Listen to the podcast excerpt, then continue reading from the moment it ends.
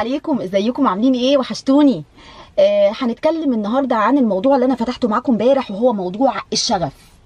آه قلنا إنه الإنسان اللي بي بيبقى عنده أكل عاطفي وبيبقى هيموت على حاجة حلوة أو صنف معين من الأكل سواء حادق أو حلو غالبا بيبقى المخبوزات والحلو بيبقى عنده مشكلة إنه نفسه يوصل للإحساس اللي بيوصله ليه الحلويات.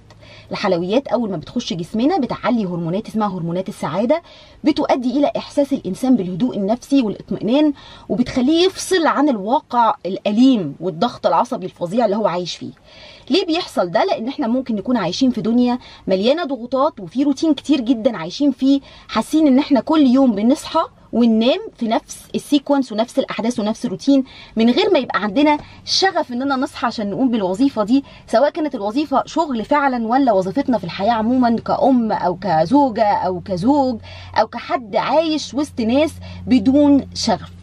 آه علشان آه يحصل موضوع إحلال لموضوع الأكل العاطفي ده لازم يبقى في حياتنا حاجة بتحل محل الروتين أو على الأقل بتبقى معاه ماشية معاه بارلل أو ماشية معاه في نفس خط السير. علشان يحصل آه موضوع إحلال لازم نوصل لنفس المشاعر اللي بنوصل لها بالحلويات عن طريق حاجة بندخلها حياتنا تؤدي إلى هذا الإحساس علشان يحصل الإحلال لازم يبقى عندنا شغف وإحنا بنؤدي المهمة. طب أنا حياتي روتينية أنا زوجة وأم وحياتي روتينية ومش نافع إن أنا أعمل أي حاجة جديدة ومش بتاعة شغل أو خلاص فرصتي في الشغل ضاعت أو راحت أو كذا.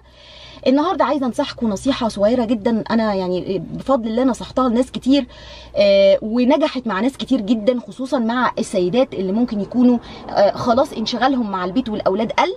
وهو حفظ القرآن. سحر يا جماعة حفظ القرآن سحر. لأنه دايما حفظ القرآن ودي حاجة علمتها لي سيدة فاضلة. أنا دايما بستخلص الخلاصة من القصص اللي أنا بسمعها وبحاول أنشرها وسط الناس. انه هي قررت تحفظ القرآن بعد سن 60 سنة وإن هي حفظت القرآن في خمس سنين. هي ست بتخطط بشكل رهيب.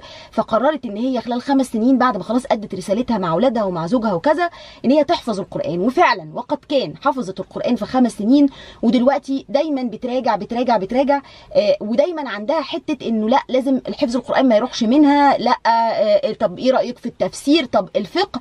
وبقت دلوقتي بتحضر نفسها إن هي تبقى محفظه هي حفظ القرآن حاجة هتدينا ثواب كبير جدا وفي نفس الوقت هتهدي نفسيتنا جدا وفي نفس الوقت هتدخلنا في حتة الشغف اللي أنا بتكلم عليها. ده مثال. إحنا بقى ممكن نطبق المثال ده على أي حاجة في حياتنا. ممكن مثلا ألاقي هواية عندي أعملها جنب شغل روتيني أنا حاسس إن أنا مخنوق منه ومش ما عنديش شغف ليه.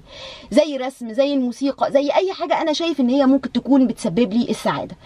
زي مثلا إن أنا أعمل لبنتي أو ابني خطة ما وأبقى أنا طرف فيها وأحاول إن أنا أوصله ليها. الفكرة في الشغف الفكرة في إنك لازم تدور على حاجة أنت بتبقى سعيد وأنت بتعملها جنب الحاجة اللي أنت بتعملها بشكل روتيني. طبعا أفضل الأشكال والأوضاع إن أنت تستبدل الروتين بحاجة فيها شغف ودي طبعا بتبقى مش عند كل الناس متاحة عند كل الناس.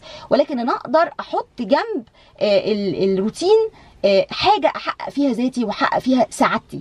من الحاجات كمان اللي أنا دايما بشجع فيها ال patients بتوعي إن هم يعتبروا شغفهم هو رحلة فقدان الوزن.